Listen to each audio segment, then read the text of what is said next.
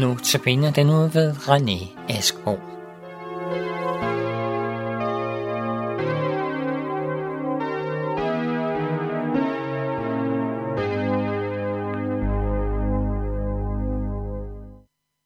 Øh, jeg øh, vil i dag øh, tale om øh, Daniel og hans tre venner, øh, som jo har en...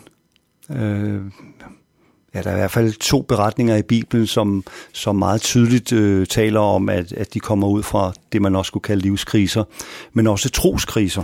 Øh, og øh, de troskriser går øh, i begge situationer ud på de forskellige, øh, det er over for forskellige øh, herskere, det handler om. Øh, det er, øh, men, men, men det handler indholdsmæssigt er det faktisk det samme øh, grundlæggende. Det handler grundlæggende om nemlig, at, at øh, at øh, Nebuchadnezzar i den ene situation, det er de tre venner, øh, som, som øh, sammen med alle andre bliver, bliver, det bliver afkrævet, at de skal tilbede af den Gud, som Nebuchadnezzar har lavet og sat op.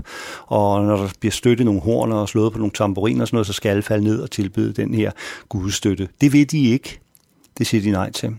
Øh, de, er, de er rimelig højt på strå. De er øh, administrerer væsentlige provinser i, i, i det babylonske rige, men, men, men, vil, ikke, men vil alligevel ikke bøje sig øh, for, for, for, for den her afgud. De vil stadig holde fast i at tilbede den levende Gud. Og øh, det koster, øh, som vi så kan se. Daniel lidt senere i Daniels bog, han øh, kommer ud for nogenlunde det samme.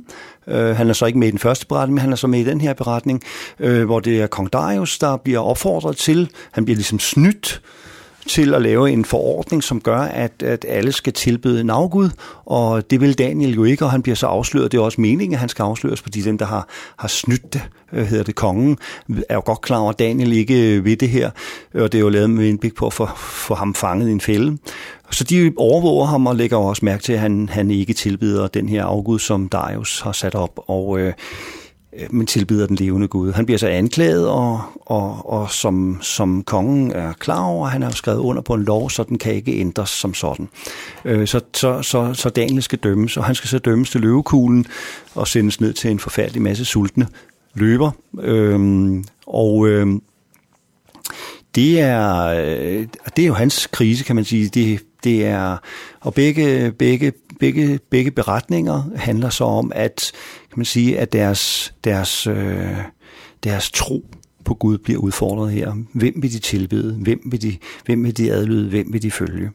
Øhm, de står fast, og, be, og begge beretninger taler om, at de bliver straffet. Øh, I den første beretning, hvor de tre venner ryger i, i ildovnen, der er den så varm, står der, at da de skal kastes ned i ovnen, så dem, der kaster dem ned i ovnen, der er flere af dem, der bliver fortæret af ilden og dør. Så varmt er det. Øh, og øh, de der tre bliver så til fire nede i ovnen. Der, der dukker en, en skikkelse op, der ligner en, en gudesøn, står der.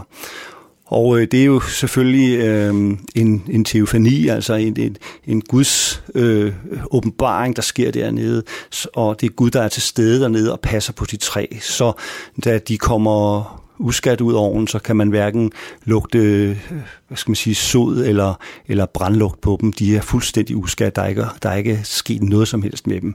Øh, så Gud har passet på dem. Det samme sker egentlig for Daniel. Daniel er, er så i noget længere tid i, står der også, han er, han er, han er et stykke tid med den der løvekugle, og, og man kan jo forestille sig, at han, han er ikke bare siddet og ventet på, at nu skulle Gud gribe ind. Han har nok kigget på de her løver, se dem cirkulere rundt og se på ham som bytte, og, han har sandsynligvis øh, brugt meget af sin tid på at, at, at bede og søge Gud for at og, og, og frelse om, om Gud, om Gud ville det. Og, og det gør Gud jo også. Han lukker munden på løven, så de, så de ikke angriber ham og spiser ham, eller æder ham, som man siger. Øh, og øh, han kommer uskat ud, hvilket er til stor glæde for Darius.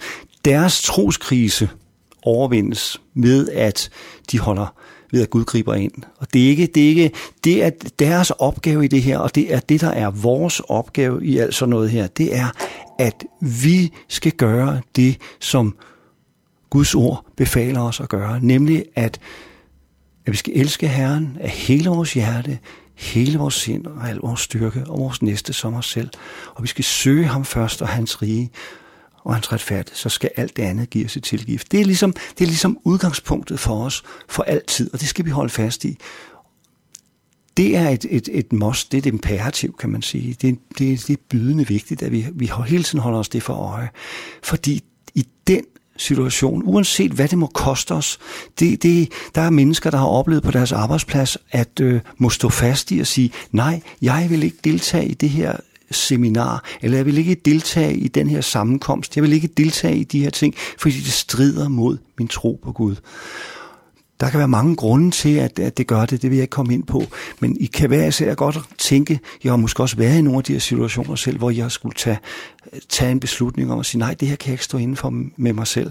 Så derfor så vælger jeg at stå fra, og så med, med risiko for at blive fyret, eller blive forkastet, eller skubbet ud af fællesskabet. Men det må det jo koste. Og vi kan jo se, og det er jo det, der er det interessante her, når vi vælger at gøre det, der er blevet forordnet eller befalet fra Guds side af, så griber Gud ind. Gud er med os. Resultatet er ikke altid, at vi undgår at, at, at miste vores liv. Altså, der er andre situationer, hvor det faktisk er Guds vilje, at vi bringes ind i en situation, det er der mange missionærer, der har oplevet, når de er taget ud til fremmede steder, at, at de går på Guds ord, i Guds vilje, kommer de ud, forkynder evangeliet, men og bliver slået ihjel. Men det baner bare vej fra, at der kan komme nogle flere på et senere tidspunkt, og, og, og, og have held med at bringe evangeliet ud.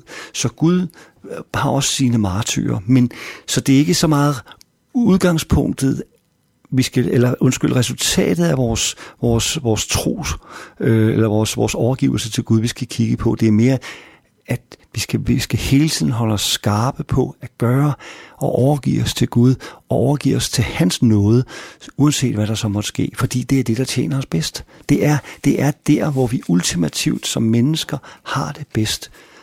Og det er en måde at komme ud af krise på, fordi Gud kan få sin vej med os, der hvor vi overgiver os fuldstændig til ham. Amen. Tak Jesus, fordi du du giver os et hjerte, der vil være helt og fuldt med dig. Og beder dig om at give os kraft til og noget til altid at vælge den vej, du har kaldet os til at gå, når det brænder på. Tak, Jesus. Amen.